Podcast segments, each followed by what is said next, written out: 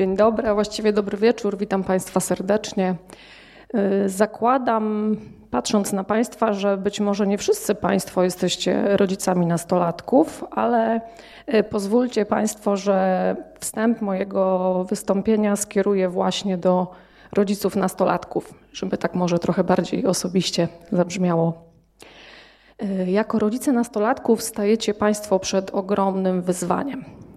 Ktoś, kto jeszcze niedawno dzielił się z Wami swoim światem, okazywał uczucia, potrzebował Waszej pomocy, nagle przeistacza się w osobę, która mówi: Nie rozumiesz mnie, jesteś beznadziejny, albo w ogóle nie chcę z Wami rozmawiać. Próbujecie Państwo szukać nowych dróg, które pomogą Wam dotrzeć do Waszego dziecka albo chociaż spotkać się z nim w połowie trasy. Tymczasem napotykacie jedynie ogromny mur albo jeszcze większą przepaść. Nie jest łatwo słuchać, gdy Państwa córka lub syn mówią, że ich nie rozumiecie, że oni będą inaczej wychowywać swoje dzieci.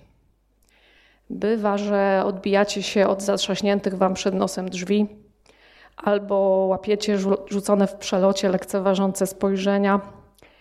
Im bardziej próbujecie być blisko, tym ona lub on bardziej się oddala.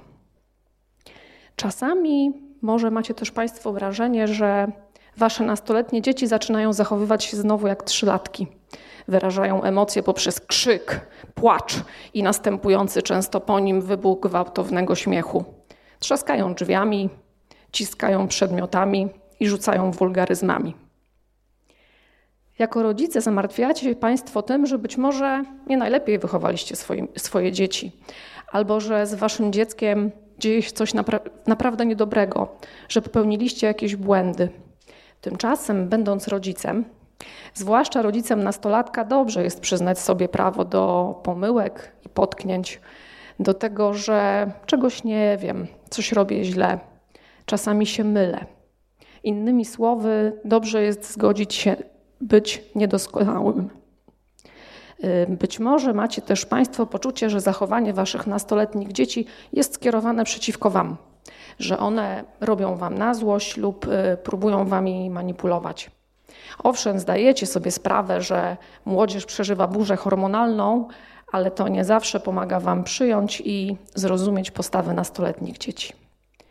Jeszcze do niedawna badacze wierzyli, że przyczyną roztargnienia, zmienności nastrojów, szeroko pojętego krytycyzmu, impulsywności są jedynie następujące w organizmie młodego człowieka typowe zmiany hormonalne.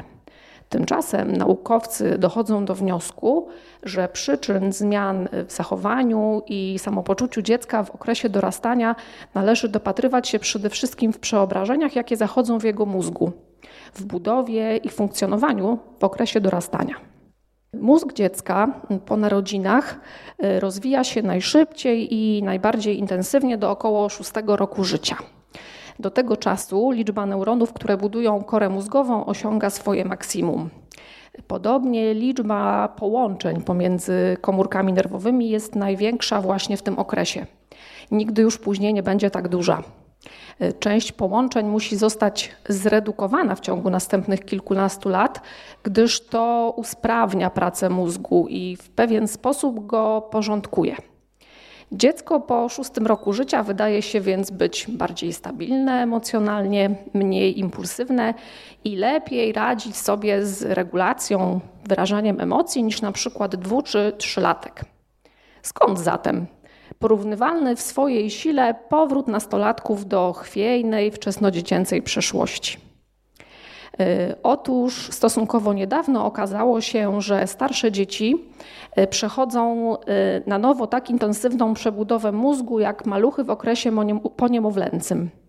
A ich kora mózgowa, pomimo tego, że jest nieco bardziej uporządkowana niż u dwu czy czterolatka, jest jednak wciąż absolutnie niedojrzała. Pamiętajmy, że kora mózgowa to taka centralna jednostka zarządzająca. Ona odpowiada za większość procesów poznawczych związanych z myśleniem, takich jak y, zdolność przewidywania konsekwencji swoich działań, kojarzenie faktów, myślenie abstrakcyjne, ocena ryzyka, y, umiejętność racjonalnego podejmowania decyzji, a nawet empatia. W dodatku ta część mózgu nie najlepiej komunikuje się z pozostałymi, co w zasadzie leży u podłoża specyficznego zachowania nastolatków. Badacze dowiedli, że niektóre części mózgu człowieka, w tym właśnie kora mózgowa, dojrzewają przez cały okres dojrzewania, a nawet jeszcze dłużej, bo do około 25 roku życia, a nie jak wcześniej sądzono do 6 czy 10 roku życia. Dzięki stosunkowo nowym technikom obrazowania pracy mózgu stwierdzono, że pomiędzy 5 a 17 rokiem życia następuje drugie wielkie wymieranie neuronów. Niektóre połączenia neuronalne zanikają, inne dopiero się tworzą. Następuje też ważny okres wzmacniania połączeń. Wzmacniają się te, te których najczęściej używamy, y, a pozostałe obumierają. Kora mózgowa, określana także siedzibą rozsądku, wciąż jednak dojrzewa. A praca, jaką wykonuje mózg nastolatka w tym okresie, jest bardzo energochłonna. Młodzi ludzie odczuwają ten fakt.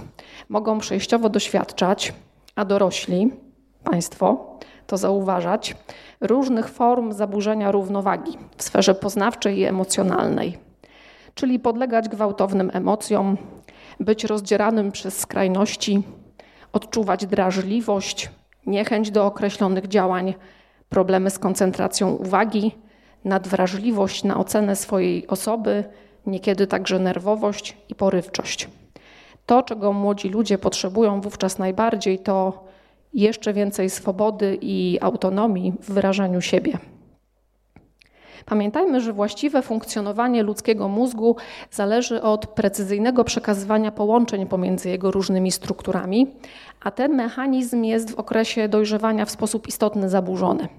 Różne części mózgu i samej kory mózgowej dojrzewają w różnym czasie i w różnym tempie, a to oczywiście oznacza, że ich współpraca nie przebiega najlepiej. To oczywiście znacząco oddziałuje na młodych ludzi a ich zachowania, ich reakcje są właśnie odpowiedzią na poczucie wewnętrznej niestabilności. Nastolatki bywają nieprzewidywalne, często swoimi słowami, zachowaniem ranią innych ludzi. E, według badaczy do świadomości młodych ludzi nie dociera zbyt szybko informacja o tym, że naruszają czyjeś granice albo że ktoś mógł poczuć się głęboko urażony ich postępowaniem. Brak dobrej łączności pomiędzy różnymi częściami mózgu wpływa więc na to, że młodzież nie zawsze liczy się z uczuciami innych. Układ limbiczny, odpowiedzialny za emocje i instynktowne reakcje, oraz układ nagrody, który zachęca nas do robienia tego, co subiektywnie przyjemne, są najintensywniej działającymi i najbardziej dynamicznymi obszarami w mózgu nastolatków. To także przyczynia się do impulsywności, zmienności nastrojów i różnych skrajnych zachowań. Wnioski, jakie płyną z badań nad mózgiem, jasno pokazują, że postawy nastolatków nie są skierowane przeciwko dorosłym, lecz są wynikiem zmian, jakie zachodzą w ich organizmach. Czas dorastania to czas porządkowania ważnych obszarów w mózgu i korelowania ich ze sobą. U rodziców, u państwa połączenia neuronalne w części mózgu odpowiedzialnej za kontrolę impulsów, odporność na frustrację, y, zdolność do oceny skutków swoich działań czy przejmowanie odpowiedzialności są stabilne i wykształcone. Y, u młodych ludzi muszą się dopiero rozwinąć i utrwalić, co w atmosferze sprzyjającego w umyśle chaosu jest niezwykle trudne. Wymaga czasu, wytrwałości i spokoju płynącego z zewnątrz. Aby połączenia mogły ukształtować się właściwie i optymalnie dla danego człowieka, aby młody człowiek mógł nauczyć się kluczowych zdolności, musi mieć możliwość poznawania siebie i świata poprzez samodzielne zbieranie doświadczeń, rozwiązywanie problemów i stawianie czoła różnym wyzwaniom. Dobrze, jeśli dzieje się to pod przewodnictwem empatycznego dorosłego. Nie ma innego sposobu na to, aby w jego y, mózgu wykształciły się odpowiednie połączenia komórek nerwowych. One nie powstaną na prośbę czy komendę rodziców lub opiekunów, lecz w wyniku swobodnego doświadczenia codzienności. Okres dorastania to również y, próba budowania swojej odrębności i niezależności, przygotowanie do wejścia w samodzielne, dorosłe życie. Duński terapeuta i pedagog Jasper Juhl podkreślał, że młodzi ludzie w okresie dorastania wręcz potrzebują przeciwstawiać się dorosłym, gdyż dzięki temu budują swoją godność, odrębność i poczucie własnej wartości. Aby zdrowo, twórczo i optymalnie się rozwinąć, potrzebne jest im tylko wsparcie i bezwarunkowa akceptacja ze strony osób dorosłych. Zadaniem y, państwa będzie niewątpliwie mm, pomoc nastoletniemu dziecku w poznaniu i zrozumieniu jego emocji, w oswojeniu ich. Spróbujmy udzielić nastoletniemu dziecku wsparcia w odpowiedzi na pytania: co jest pod spodem mojej złości, smutku albo strachu? Jaka informacja za nią, za nim stoi? Y, ważne, żeby nastolatek nie winił się z powodu przeżywania emocji. Zachęcajmy go do tego, żeby próbował wyrażać emocje na bieżąco, ale również szanujmy takie momenty, kiedy nastolatek nie chce rozmawiać. Pamiętajcie Państwo, że dzieci nastoletnie y, mniej potrzebują naszych słów, a bardziej naszej obecności i uwagi. Kiedy były małe i odchodziły tylko o kilka kroków, od razu sprawdzały, czy Państwo jeszcze jesteście. Teraz bywa, że odchodzą znacznie, znacznie dalej, ale nadal chciałyby Państwa widzieć wtedy, kiedy się odwrócą. Aby wspierać nastoletnie dzieci w konstruktywnym radzeniu sobie z emocjami, warto, żebyście Państwo zastanowili się nad tym, jak Wy przeżywacie swoje emocje. Na przykład, gdy odczuwacie złość w domu, to czy i jak mówicie o tym swoim dzieciom albo innym członkom rodziny? A może nie mówicie o złości, ale w inny sposób dajecie upust tej emocji? A może jest tak, że trudno Wam z Waszymi dziećmi, z Waszymi bliskimi rozmawiać o swoich emocjach? Zastanówmy się przez chwilę, dlaczego tak się dzieje. Rodzice moich pacjentów twierdzą, że reagują w powyższy sposób, ponieważ boją się utracić w oczach swojego dziecka pozycję bohatera, takiego siłacza, który ze wszystkim sobie poradzi. Ale czy to na pewno dobry sposób na budowanie autentycznej relacji z córką lub synem? Dlaczego dla wielu z nas okazywanie emocji, szczególnie tych trudnych emocji, to oznaka słabości? Chciałabym tutaj sięgnąć do koncepcji analizy transakcyjnej. Jest to teoria osobowości i system psychoterapii, w którym pracuję. Y, mówiąc językiem AT, być może jest tak, że mm, niektórzy z nas wynieśli ze swojego dzieciństwa nakaz bądź silny, będący swego rodzaju przymusową normą, która popycha nas do określonych działań. Może jest tak, że jako dzieci byliśmy surowo karani z powodu okazywania radości, zawstydzani z powodu przeżywanego smutku lub też przywoływani do porządku przy próbach spontanicznego okazywania radości. Zachęcam Państwa do refleksji na ten właśnie temat. Warto zastanowić się też nad tym, jakie myśli wywołują w Państwu emocje Waszego dziecka. Może myślicie, nie panuję nad sytuacją, albo on, ona ma mnie gdzieś. Warto zastanowić się też nad tym, co Państwo czują i czego Państwo potrzebują, gdy Wasze dziecko wyraża emocji. Może czujecie się bezradni, ponieważ pragniecie, żeby Wasze dziecko lepiej radziło sobie z emocjami. Może jest Wam smutno, ponieważ zależy Wam na lepszej relacji z córką lub synem.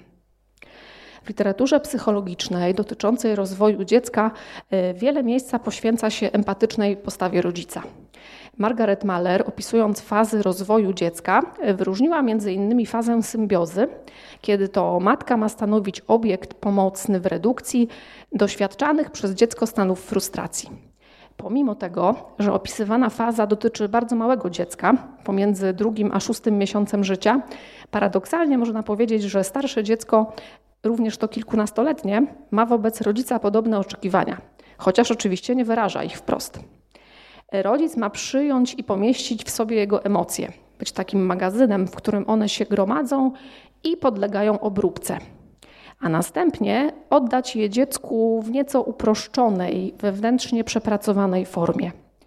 Zjawisko to nosi nazwę kontenerowania emocji. Jest to nic innego jak dawanie nastoletniemu dziecku przestrzeni na przeżywanie emocji y, oraz nadanie im określonego znaczenia, które pomoże mu poradzić sobie z tymi emocjami w konstruktywny sposób. Chodzi o to, żeby rodzic odbył pewien mentalny dialog, żeby wykonał taką wewnętrzną pracę, cały czas pozostając w kontakcie z tym, co sam odczuwa. Warto potraktować złość nastolatka jako informację. Być może dzieje się coś ważnego, co potrzebuje mojej uwagi. Ponieważ złość jest trudna i nieprzyjemna, dlatego zwykle nie traktujemy jej jako daru czy istotnej informacji, lecz stanowi dla nas problem, z którym próbujemy sobie poradzić. Tymczasem złość może być przecież sygnałem. Mówić nam o tym, że ktoś przekroczył nasze granice, że niezaspokojone są jakieś nasze ważne potrzeby, albo że na coś nie chcemy się zgodzić.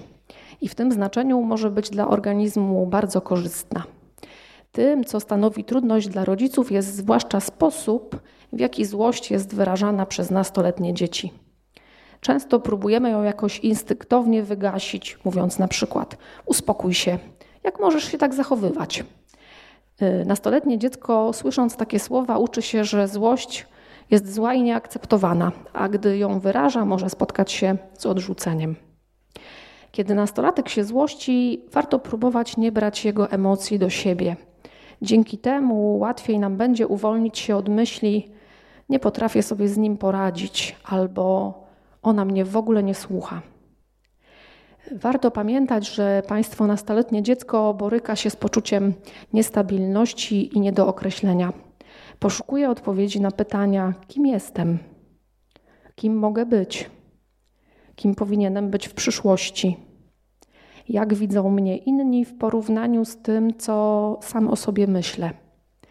Nastolatek często nie wie do końca, kim chce być, bywa jednak, że ma silne przekonanie, że chce być kimś innym niż dotychczas. Nie wie, jaką rolę powinien pełnić w życiu, jakie zadania podejmować. Jego świat staje się coraz bardziej abstrakcyjny, przybiera wiele nowych wymiarów, oferuje wiele nowych możliwości i perspektyw, a on sam często nie potrafi znaleźć w nim swojego miejsca.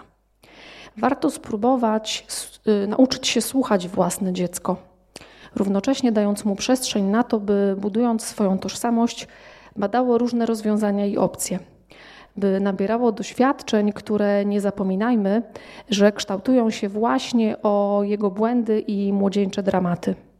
Pamiętajcie Państwo, że dzięki przeżywanemu buntowi nastolatek próbuje oddzielić się od rodziców po to, żeby stać się niezależną osobą w przyszłości. Dlatego stwarzanie nastolatkowi przestrzeni dla jego rozwoju oznaczać będzie zarówno bycie blisko, jak i bycie w dystansie. Dla nastolatków czas zmian, jakie zachodzą w ich y, wyglądzie zewnętrznym i psychoemocjonalnym rozwoju, jest niezwykle trudny. Ich mózgi znajdują się w fazie głębokich przemian, na które nastolatki nie mają wpływu. One po prostu muszą nastąpić. Jedno dziecko odczuwa zmiany zachodzące w swoim ciele i umyśle bardziej, inne mniej intensywnie. Jednak pewne elementy i formy zachowań są dla większości młodych ludzi jednakowe. Młodzi ludzie potrzebują zrozumienia ze strony dorosłych oraz poczucia, że to, co się z nimi dzieje, to jakie przyjmują postawy, jest czymś zupełnie naturalnym. Sformułowania typu: Co się z tobą dzieje, zachowujesz się jak dziecko, przestań już, uspokój się, pokazują nastolatkowi, że coś jest z nim nie tak wprowadzają go w poczucie winy, zagłopotanie. Bywa też, że powodują jeszcze większą złość i ogólną frustrację. Warto pamiętać także, żeby w okresie dorastania nastolatków nie uciekać od kontaktu z nimi, chociaż niejednokrotnie bardzo by się tego chciało. Kiedy mieszka się pod jednym dachem z niezadowolonym i konfliktowym nastolatkiem, niesprawnie snującym się po domu, nieraz ma się ochotę po prostu od niego odciąć. Takie rozwiązanie w dłuższej perspektywie może jednak tylko zaszkodzić. Wbrew pozorom, młodzi ludzie potrzebują ciepła, bliskości i zrozumienia ze strony dorosłych, tylko nie zawsze to okazują. Spędzając coraz mniej czasu z nastolatkiem, możemy doprowadzić do tego, że będzie się on czuł jeszcze bardziej wyobcowany i rozregulowany emocjonalnie.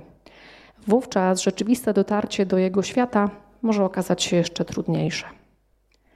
Nabranie zdrowego dystansu wobec tego, co i w jaki sposób robi oraz mówi do nas nastolatek, to kolejny krok w stronę budowania dobrej relacji.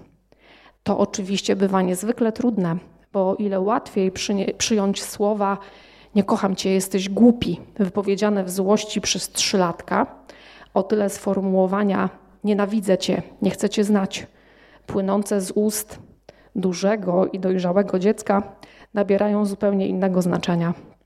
Warto jednak pamiętać, że ten 12, 14, 16-letni młody człowiek doświadcza wielkiego remontu w swoim mózgu, a struktury, które są odpowiedzialne za świadome wyrażanie opinii i emocji, są u niego równie niedojrzałe jak te u kilkulatka. Na osiągnięcie owej dojrzałości potrzeba czasu i cierpliwości. Okres krytyczny ma jednak miejsce właśnie teraz. Warto to przyjąć i zaakceptować. Naukowcy dowodzą, że nastolatki y, często nie są w stanie podejmować racjonalnych i odpowiedzialnych decyzji, ponieważ ich wybory mają podłoże emocjonalne. Tak jak powiedziałam, kora mózgowa wciąż dojrzewa, a w układzie nagrody zachodzi wiele dynamicznych zmian. Nastolatki nie będą też nieustannie otwarte na propozycje i pomysły dorosłych, gdyż ich mózgi są w stanie ciągłego rozwoju i poszukiwania nowych rozwiązań. Tylko to, co jest subiektywnie ważne dla młodych ludzi, stanowi dla nich prawdziwą wartość. Nastolatki potrzebują autonomii i możliwości decydowania o tym, co zjedzą, w co się ubiorą, jak spędzą wolny czas, ale też o tym, jaką formę edukacji wybiorą. O wyborach nastolatków warto dyskutować, gorąco do tego zachęcam. To często może im pomóc zbadać, zbadać trafność podjętych decyzji, jednak wyborów nastolatków nie należy krytykować. Nie należy też naciskać na dziecko, żeby dokonało zmiany decyzji. Mózg nastolatka nie jest bowiem organem, którym można sterować z zewnątrz. A nieustanny nacisk może spowodować tylko zatrzymanie produkcji dopaminy lub też e, endogennych opioidów, które odpowiadają za spokój, chęć do działania, dobre samopoczucie i dobry nastrój. Ważne, żeby nastoletnie dzieci otoczyć bezwarunkową miłością, akceptacją i dać im poczucie, żeby pomimo swoich niekiedy szalonych pomysłów i nie zawsze przyjemnych następstw swoich działań, nigdy nie bały się mówić o tym, co czują i czego doświadczają. Podstawą będzie tutaj łagodna i pełna empatii komunikacja. No właśnie, umiejętna komunikacja, czyli jaka? Otóż taka, która będzie pozbawiona ciągłego upominania. Tyle razy prosiłam, żebyś. Porównywania. Ja w Twoim wieku nigdy się tak nie zachowywałem. Krytyki. Jesteś leniem. Jak można? Naciskania na coś. Natychmiast siadaj do odrabiania lekcji. Negowania. Tak się tego nie robi. Źle to zrobiłeś. Bywa, że wyśmiewania. Spójrz na siebie, jak ty wyglądasz ale przede wszystkim pozbawiona pretensji i krzyku. Kiedy nastolatek bombardowany niezliczoną ilością wewnętrznych bodźców i biologicznych zmian otrzymuje kolejne negatywne komunikaty z zewnątrz, w istocie może znaleźć się na skraju wytrzymałości psychoemocjonalnej. Jego wybuchy złości mogą stać się coraz silniejsze, a poczucie bezradności i braku zrozumienia wzmagają się. Zamiast stosowania upomnień, długich monologów i osądów, warto spróbować mówić do nastolatków prostym językiem. Mózg nastolatka szybciej go rozumie, wyrażając w ten sposób swoje potrzeby i emocje. Chcę, nie chcę, żebyś. Boję się o ciebie kiedy. Czuję wtedy. Rozumiem cię. Potrzebuję tylko wiedzieć, czy wolałbym, wolałabym, abyś. Bycie entuzjastycznym, silnym, szanującym siebie i innych rodzicem doskonale oddziałuje na dzieci, na ich zachowania i reakcje oraz na efektywną komunikację z nimi. Budowanie z nimi głębokiej relacji opartej właśnie na tych wartościach jest podstawą dotarcia do każdego z nich i wsparcia ich rozwoju. Jeśli rzeczywiście pragniemy, żeby nastolatki chciały za nami podążać, pamiętajmy, że nie naśladują one wszystkich osób, lecz jedynie te, które podziwiają, które są dla nich szczególnie ważne, z którymi czują się emocjonalnie związane. To właśnie te osoby stanowią dla nich wzorce. Jako dorośli pragniemy uchronić nasze dzieci przed tym, czego sami doświadczyliśmy w okresie dorastania. Wiemy, że niektóre pomysły nie najlepiej się sprawdzają, a Niektóre problemy można rozwiązać inaczej. Jednak zdrowo rozwijający się nastolatek nie przyjmie za pewne zdania dorosłego, nawet jeśli mogłoby mu ono zaoszczędzić nieudanych prób, niebezpiecznych błędów i trudnych emocji. Ważne, żeby y, młody człowiek mógł doznawać różnych rzeczy, analizować swoje doświadczenia, wyciągać wnioski, analizować paradygmaty. Do tego czasem potrzebne są ryzykowne zachowania, ciągły ruch i aktywność. Najlepiej taka poza nadmierną kontrolą rodziców i opiekunów. Rolą dorosłych, rolą państwa będzie tylko stworzenie nastolatkowi warunków, które pozwolą mu przeżyć i stać się dla siebie samego źródłem rozwiązań w przyszłości. Moje spotkanie z Państwem pragnę zakończyć słowami Stein, które są mi bardzo bliskie. Pozwolicie Państwo, że odczytam, żeby było zgodnie z oryginałem.